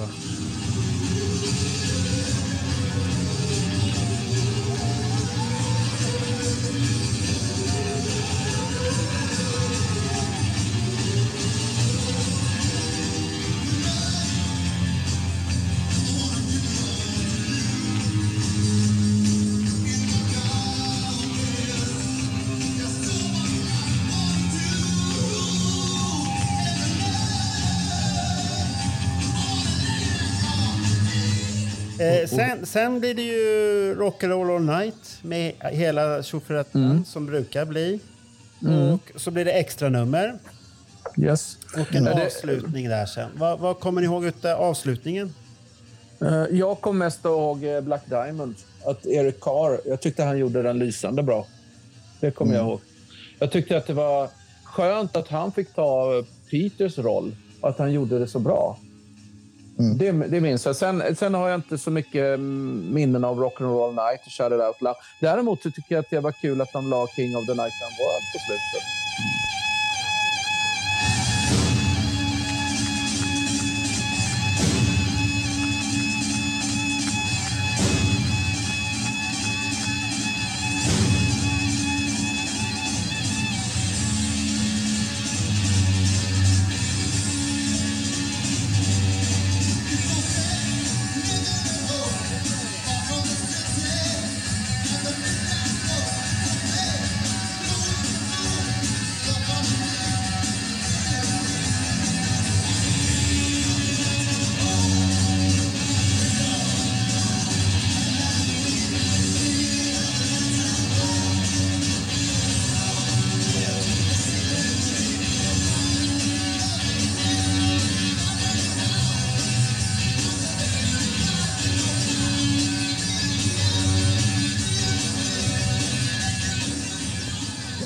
Inte jag ihåg att den gjorde så, utan det var att alla låtar gick i ett streck. Jag kommer ihåg att jag tyckte att okej, här är bara en massa nya låtar, men sen kom de tillbaka och jag var inte så jätteförtjust i eh, New York Groove och de här, för jag visste att det här var inte deras egna låtar, utan det var covers. Även om det var coolt att se Ace. Men sen när de andra kom tillbaka, och God of Thunder och det här, det var ju häftigt, men det var så högt så att det var, det var öronbedövande och man var upptagen i alltihopa. Så själva låtarna i sig, du sjöng med, du, du stod och svettades. Så sen när Black Diamond kom och avslutade så var ju det som en eh, orgasm nästan kan man ju säga med det här. Eh, när Ace gick ner på knä och sitter och man får se det här på riktigt. För du Ja. hade inte sett så mycket på, på videos eller någonting vid detta laget. Så att det här var ju liksom otroligt att få se det. Jag tyckte att det gick väldigt snabbt. Att konserten var eh, snabbt, Ja. slut. Den var inte så lång, va? Jag, Jo, men den var... det, det är ju 19 händelser där. Då får vi ta bort gitarrsolo, bassolo, Ja, trumsolo. Så blir det ju 17 låtar. Nej, 16 låtar. Ja, men det var, inte, det var inte två timmar var det inte riktigt. Nej, Nej, det, det, det men, men pojkar, är ni sådana som går innan extra numren är slut eller är ni kvar till the bitter end? Ja, the bitter end. Alltid. Ja, men The bitter all, end. Går, går ju aldrig innan. eh, Ja, Bruce Springsteen är den enda jag gått när det var en kvart kvar. För jag orkade inte. Jag hade stått i fem timmar på hans. Jag orkade inte. Det är Ja, den nej. enda gången. Nej, Jag, jag, jag, jag, bara, bara känner, jag bara känner av pulsen lite grann så jag Ja. vet vad vi, vad vi har Nej. att göra med. Nej, men det, det- det är så Bernt att man, man eh, skulle stå där och man skulle leta efter plektrum och annat på golvet. Och det har jag glömt säga. Jag var ju så pass långt fram. Jag fångade ett plektrum. Mm. Eh, ett vitt vet jag. Och tyvärr, det, det finns någonstans. Jag har inte hittat det. Johan Carlén har frågat mig. Jag kommer inte ihåg om det var Ace eller om det är Jeans plektrum. Men just att man kunde hitta det. Det Ja. var ju i all konfett. Så att Mm. du gick inte någonstans. Fanns det någonting man kunde snacka med vakterna? Kan inte jag få den där lilla listan eller trumpinnen eller någonting? Eh, och sen så dracks det ingenting. Utan dels så var man så pass ung och det var bara de äldre som gjorde det. Och jag ville inte heller ändra mitt state of mind för att få uppleva det här. Mm. Ja, jag, jag såg ett plektrum, men det var någon som hann före mig. Jag skulle dyka ner, men det var någon som dök före mig. Mm. Eh, Så att eh, då kände, så engagerad var jag nog inte. Jag var nog lite för feg, tror jag. Ah, det, Ja, det där vet jag. Du tog in en stor kamera ju. Ja, det var ju det som jag tänkte. Jag vill Ja. inte liksom kraschlanda med den. Du vill inte sticka ut. Okej. Vilken var bästa låten tyckte ni? Häftigaste upplevelsen? Mm. Jag tycker nog att det var Talk to me för att det var Ace som sjöng. Och Mm. sen tyckte jag nog Black Diamond. Okej. Ja. ja. Och, och Detroit Rock City, för det var, den första, det var öppningen. Där eh, sket man ju byxan liksom, när de kom in där och briserade. Att det är så svårt att, att först, förstå hur det kändes att se de här människorna eh, på riktigt, för de var ju seriefigurer. Ja, det var ju Och de står där. Ja, ja. Japp. Det är klart att öppningen var ju jättestark. Eh, Så var det ju. Detroit Rock City är ju, är ju deras... jag skulle vilja säga det är ju, det är ju min favorit med Kiss. Eh, kommer alltid vara på något sätt. Jag är inte så förtjust i Rock'n'Roll All Night längre. Den har jag har tappat lite. Nej, men det är som du säger, jag, jag var väldigt eh, mycket inne på Ace där. Talk to me. Eh, och sen tittade jag mycket på Eric Carr och Black Diamond. Vi är ganska lika där tror jag faktiskt. De andra låtarna har man liksom hört så mycket. Men Black Diamond har ett speciellt hjärta i min eh, Kiss-hjärta faktiskt. Jag tror att jag var lite besviken när de körde Is that you? För jag tyckte det var en rätt Mm. kass och tråkig låt. De hade gärna fått köra någon av de andra på-låtarna. Eh, så jag tyckte, ja, men ska de slösa en låt på denna? Jag vill se. Det Ja, fanns så ja, många ja. andra. Lite grann så. Ja, ja. Och det är konstigt att en 15-16-åring tycker så, men det var verkligen så att eh, de såg annorlunda ut. Jag tyckte inte att Gene såg speciellt farlig ut när man såg honom. Hans sminkning, den har blivit rundare, trubbigare. Hans frisyr var med, istället för den här lite stripiga, farliga, så har det blivit två stycken stora brända popcorn på varsin sida och så en liten så. Det var mer en, en gullig kille där va? Mm. Men du, vi har ju glömt det viktigaste. Vilka, vilka då? Jag vet inte om någon har nämnt det, men Paul Stanleys hatt. Just det. Han hade en hög svart hatt. Hög svart hatt hade han under I was made for loving you. I alla Var- fall, det minns jag. Där kom Var det minnet. ifrån? Ja. Var, den har jag ju på bild också. Så tänkte jag så här, varför hade han... Jo, varför hade han hatten på sig? Det undrar jag. Det, var det att när man tog ut den från sin... eh, Hade man det backstage, att man lyfte fram det i den wardroben? Eller var det att det var någon som slängde upp den på scen? Nej, han körde. Och det, det, det är lite lustigt att du säger det. För han Mm. hade den mest bara på scen. Det finns nog inte så mycket bilder, alltså pressbilder, när han har den på sig. Det finns Eh. någon bild med röd bakgrund har jag för mig, Ja. där han har Ja, hatten på sig. Men det är nog nästan bara... 80... Det, det är bara den jag har sett. Ja, jag håller med dig. officiell bild där. Så att, eh, Och det var lite grann hatten, sån, eh, sammet, eller sån blank hatt och Mm. nya gitarrer. Det var Ja. lite mer slinky look där liksom. Mm. det, det, det där är samma minne som Jo- Johnny och Johan Falk hade också. Mm. Hatten. Och-. Det var så. Ja, jag, och sen funderade jag alltid på liksom, hur mycket tränade Paul Stanley? Med tanke på att han, han såg ju alltid så tränad ut. Ja, det, det, det, det vet du ju idag via Instagram och alltihopa. Han tränar väldigt mycket den mannen. Ja, det märks. Ja. Han var, och sen var man ju alltid imponerad över hur man kunde ha så hårigt bröst. Men det, det är ju en annan historia. Magnus, Ja. det, det, är sådana där frågor som även jag ställde mig i ungefär, i ungefär samma tid. Fast eh, jag var ändå 18-19. Jag, jag förstod inte det där riktigt. Nej, Hur de kunde vara så lurviga. Inte, Okej. inte, inte ett dugg Man kan vara så. Det beror på vad man har för blod. Så, Ja, det- du det kan, du kan fråga min son vad han tycker om pappas blod. Det tycker han inte är roligt. Nej, Och jag- nej, men det, det är lite kul du säger just med hårigt bröst, för det hade ju Paul Stanley riktigt. Och det är klart man fascineras av det. En, Mm. en rockstjärna Ja. som visar det så mycket. Tom Jones hade ju också, men det var inte någon kille man lyssnade på då. Sen Mm. kom Van Halen med David Lee Roth som också hade den här lurviga bringan.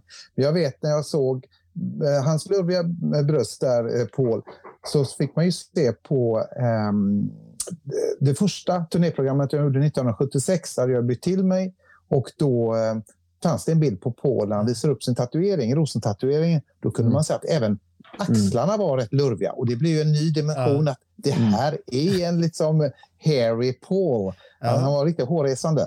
Ja, men- verkligen. Men dimensionen av just Pauls utseende. Jag tänker på att jag hade två eh, kompistjejer i Kalmar på den tiden som var ganska utstötta i skolan på den tiden för att de gillade Kiss. Och de, den ena tjejen älskade Paul, den andra gillade Peter Criss.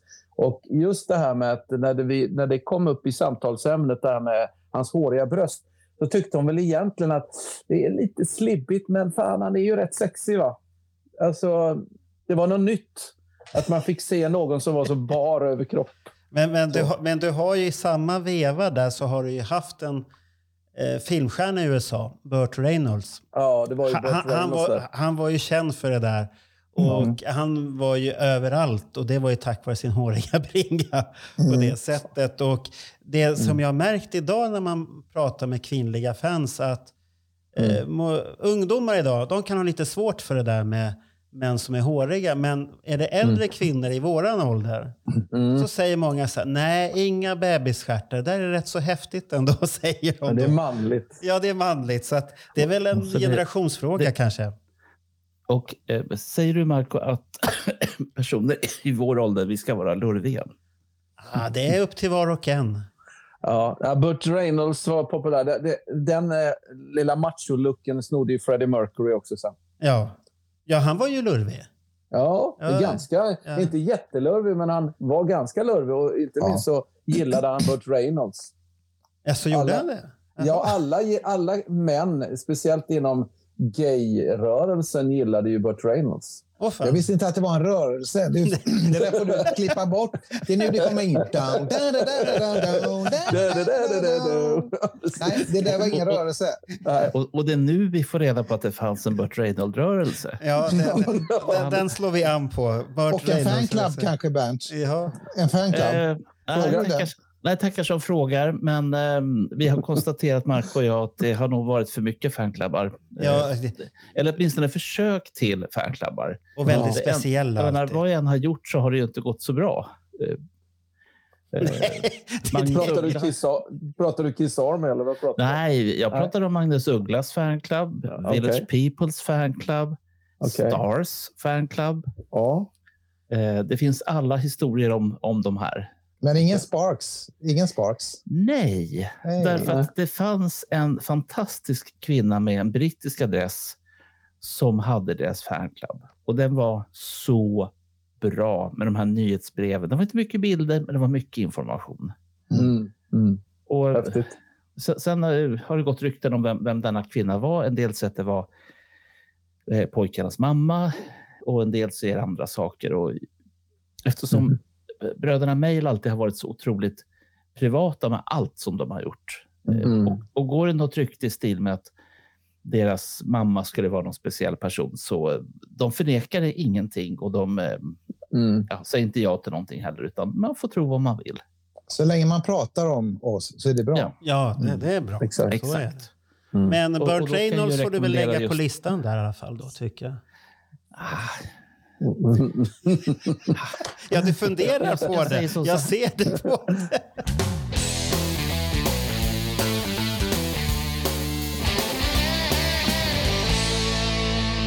Konfettit har regnat färdigt. Mm.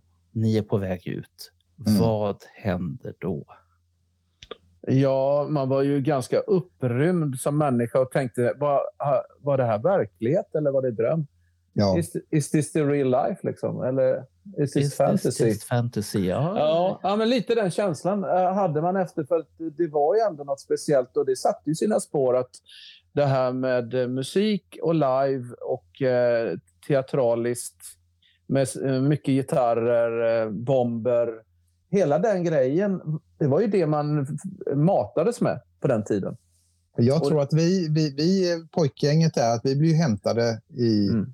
I Göteborg av föräldrar och så åker man ner till eh, lilla Kungsbacka sen och man pratar Mm. bara om detta hela tiden eh, Mm. och försökte överrösta varandra för man hade ju tinnitus där som bara tjöt.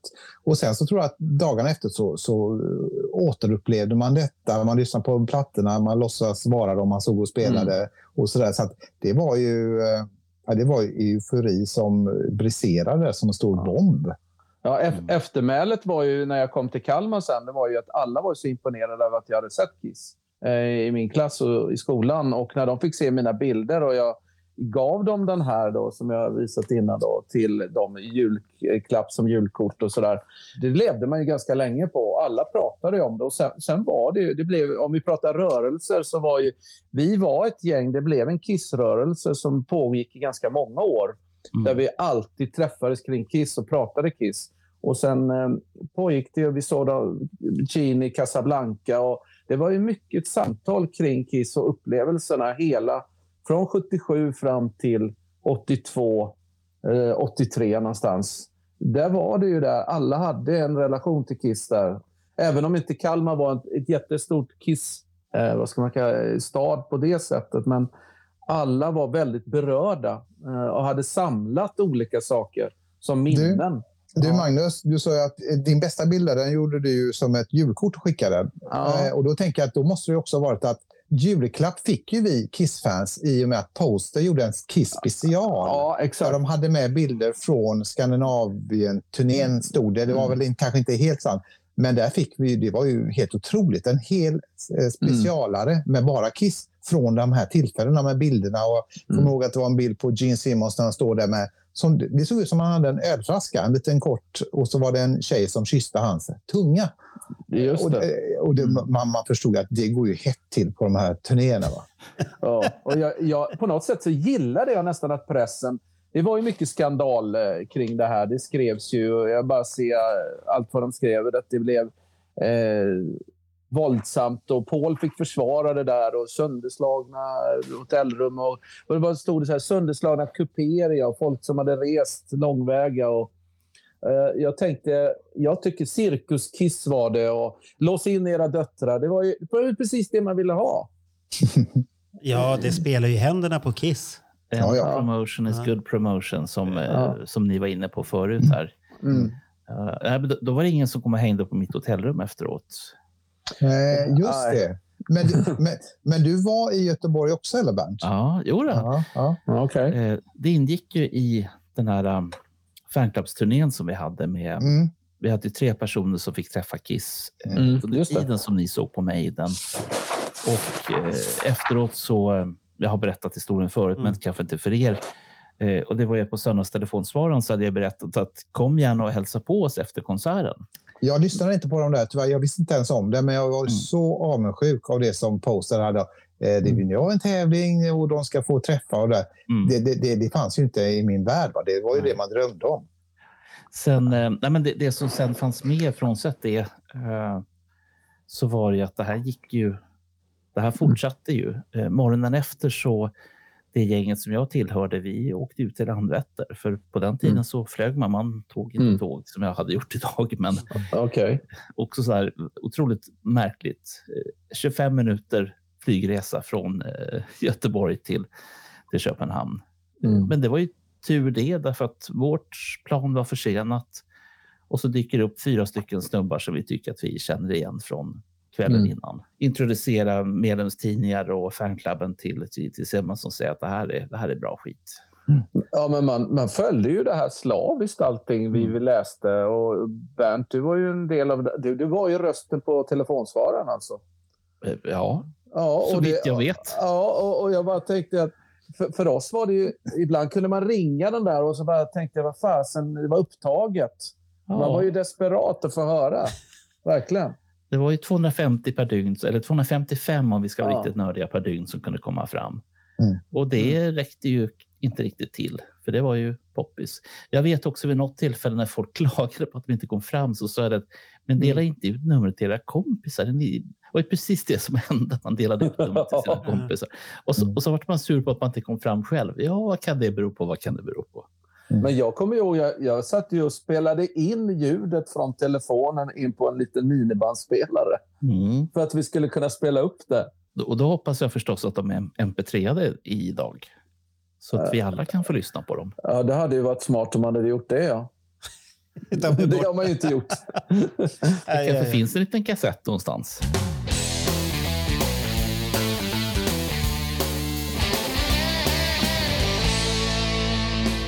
Vad hände här sen då? Nu, nu har ni ju sett era Mm. favoriter. Vart det någon påverkan för resterande åren som kom?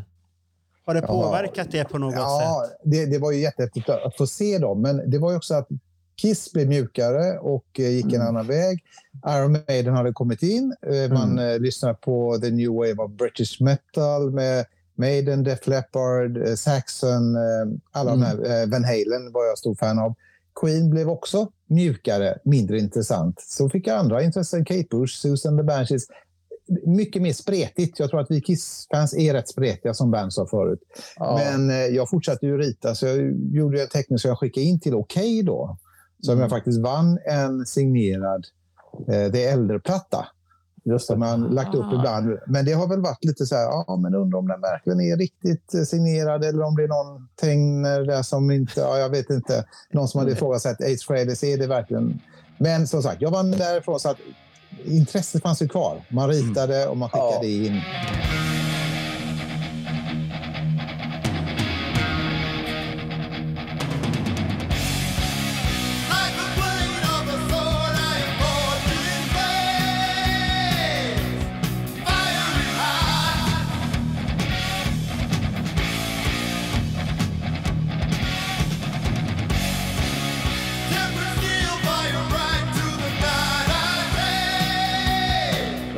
Tänker på mystiken som eh, spreds med The Elder när den kom.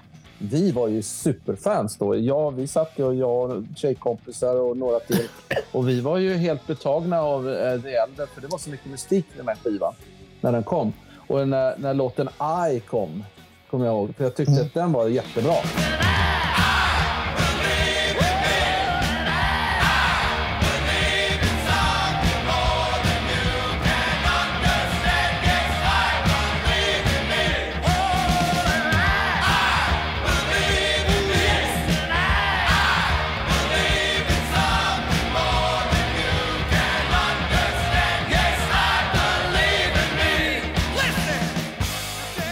Det var den som en vanlig kisslåt kan man säga. Ja, precis. Det är klart att jag gillade många av... Jag gillar, eftersom jag gillade Queen och eftersom jag var väldigt öppen för olika musikaliska inriktningar så, så köpte jag det. Jag tyckte Kiss var spännande. De vågade göra någonting nytt. Eh, jag uppskattade den. Sen i efterhand så kanske jag inte riktigt uppskattar den lika mycket idag, men då var den viktig för mig. Absolut. Och, mm. Jag, jag kan säga så här till både till Magnus och till Mikael. Att det finns en grej som slår mig lite grann och det är ju det att trots att jag var fanclubsgeneral, trots att jag älskade Kiss över, någonting, över allt annat på Mm. jorden, så kommer jag ihåg 1982 så var jag såg en hel del band. Jag hade en god vän som, Mm. som tyckte om att gå mycket på konserter. Och bland en av de konserterna som hon inte följde med på, för hon var inte, inte, för hon var inte intresserad, det var Queen på Isstadion 1982 som jag fortfarande rankar som en av mina absoluta favoritkonserter. Ja. Eh, Utanför Kiss. För Mm. det, det, annars blir det som att försöka säga det. Vem av dina barn tycker du bäst om? Ja, just det. Så det. Ja, men vi var ju där, både du och jag, Mikael, och såg konserten dagen innan i Göteborg. Och vi kände inte varandra då heller, men vi har sett väldigt många samma konserter. Mm. Och det var ju min första Queen-konsert också. Jag hade gärna sett dem tidigare, men jag är glad att jag fick se dem överhuvudtaget med Freddie. Ja. Är det 82 vi är kvar på? Eller? Ja. Ja, det är 82. Men, men, men får jag bara komma tillbaka till konserten eh, Kiss där 10 oktober 80. Så Mm. kommer jag ihåg att jag köpte ju även t-shirts. Eh, jag köpte ju den här turné-t-shirten som är svart med bandets logo och rött. Plus Mm. en till som jag letade fram just till detta avsnittet. Och de, eh, de är ju faktiskt otroligt fina. Ja. Får se vad som händer med dem framöver, Bernt. ja, precis. Ja, den var snygg den t-shirten. Jag såg det i en bild här nyligen. Ja, jag trängde på mig den. Jag, jag trodde inte jag skulle få i... Men den, den för, förpackade fettet jättebra. Det var som en korsett nu. Och, det var ändå, och, och den stod att det var XL på den tiden, men den är ungefär som en liten medium idag. Jaha, så det har Jag, hänt jag, någonting. litar, jag litar inte på några som helst storlekar som har med t-shirtarna att göra. Och speciellt Nej. eftersom Nej. den här kroppen som jag går och bär på har blivit en aning svulstig. Så... eh, Alltså när, jag, när, när jag var liten, eller när jag hade fanklubben, så undrade jag över vad, vad är det för farbröder som ska ha XXXXXL? Ja, just det. Ja, men nu, nu har vi jag kommit har dit. Inte, Nu har vi jag har kommit inte dit. den storleken, men idag förstår jag. Ja.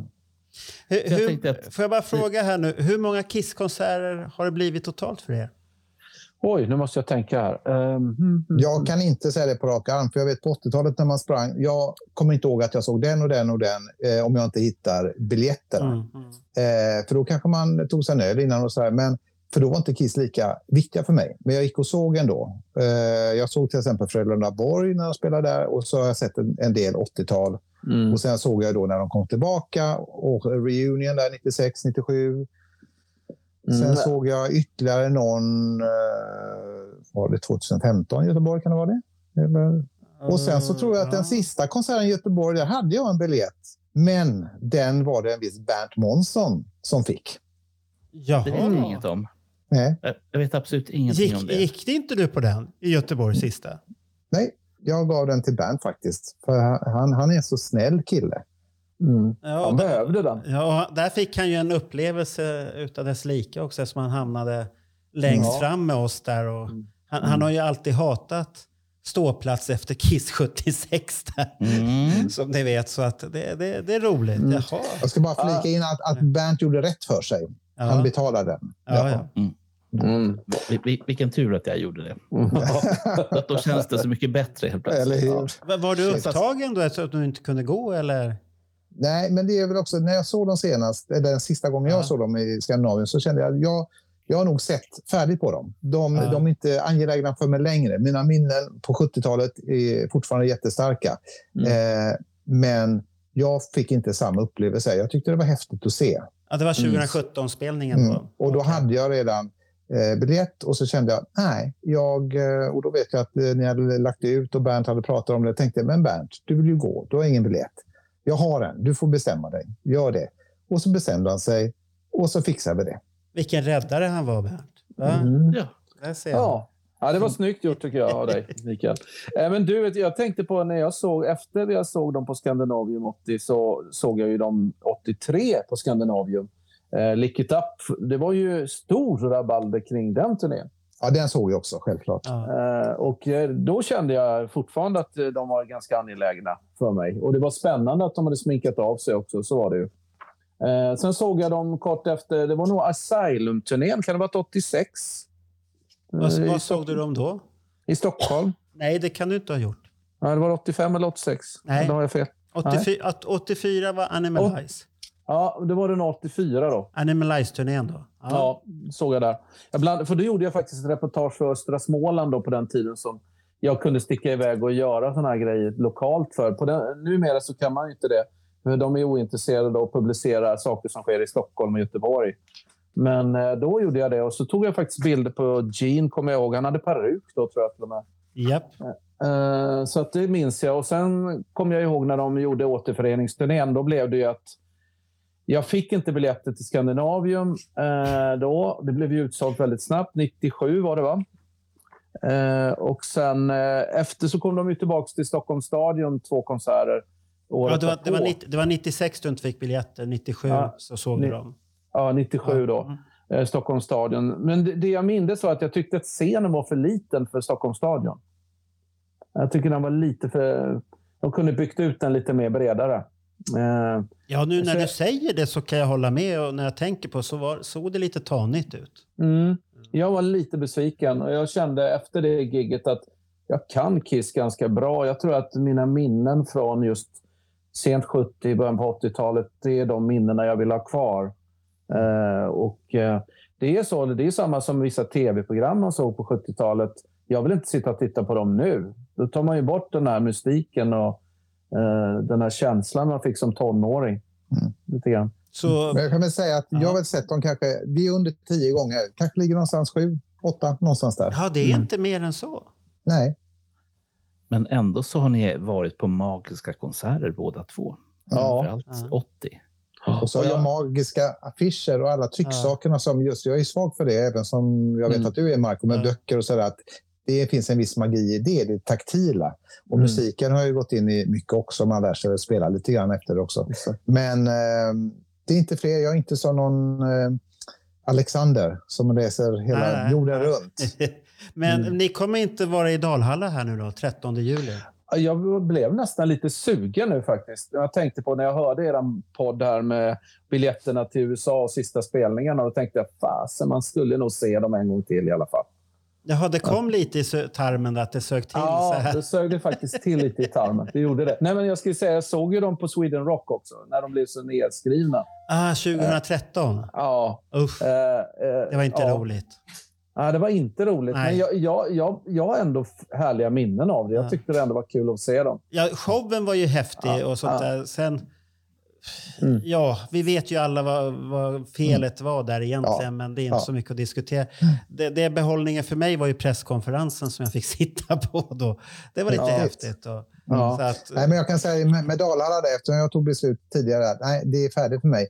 Men Mm. ju mer ni har pratat om det och tjatat, och jag har Mm. varit på Dalhalla och sett en annan, eh, vilka var det, Motte Hoople för några Mm. år sedan. Så jag har ju varit där och sett själva scenen. Det kommer bli makalöst bra med Kiss där. Helt Ja, otroligt. Så det. blir lite grann det där, hmm, hmm.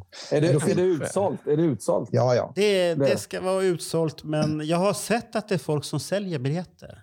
Ja. Mm. Ja. Så Det, det, kom, det kommer, det kommer lösa nog, sig. du, du, du vet, Bernt är en sån här, det löser sig. Han har hotell, men han har inte biljett. det löser sig alltid. Men däremot så tänkte jag lite grann om den här gamla huven skulle ändra sig så, så finns det i eh, Norge, Tönsberg, Japp. Ehm, Det är ju närmare, det är, sis- det är ju det är närmare dig närmare. också. Det är närmare och det är faktiskt det sista gigget i hela Norden, Skandinavien. Ja, eller hela Europa. Ja, Ut, utanför USA så är det väl det sista innan USA-turnén börjar. Mm. De sista spelningarna. Och då, sen är det slut på turnerande Kiss. Mm. Men Ja, det är inte slut på ett spelande Kiss. Nej. Om, de får vara, om de får vara friska. Ja, om de får vara friska. För de har ju åldern emot sig. Det är väl det enda.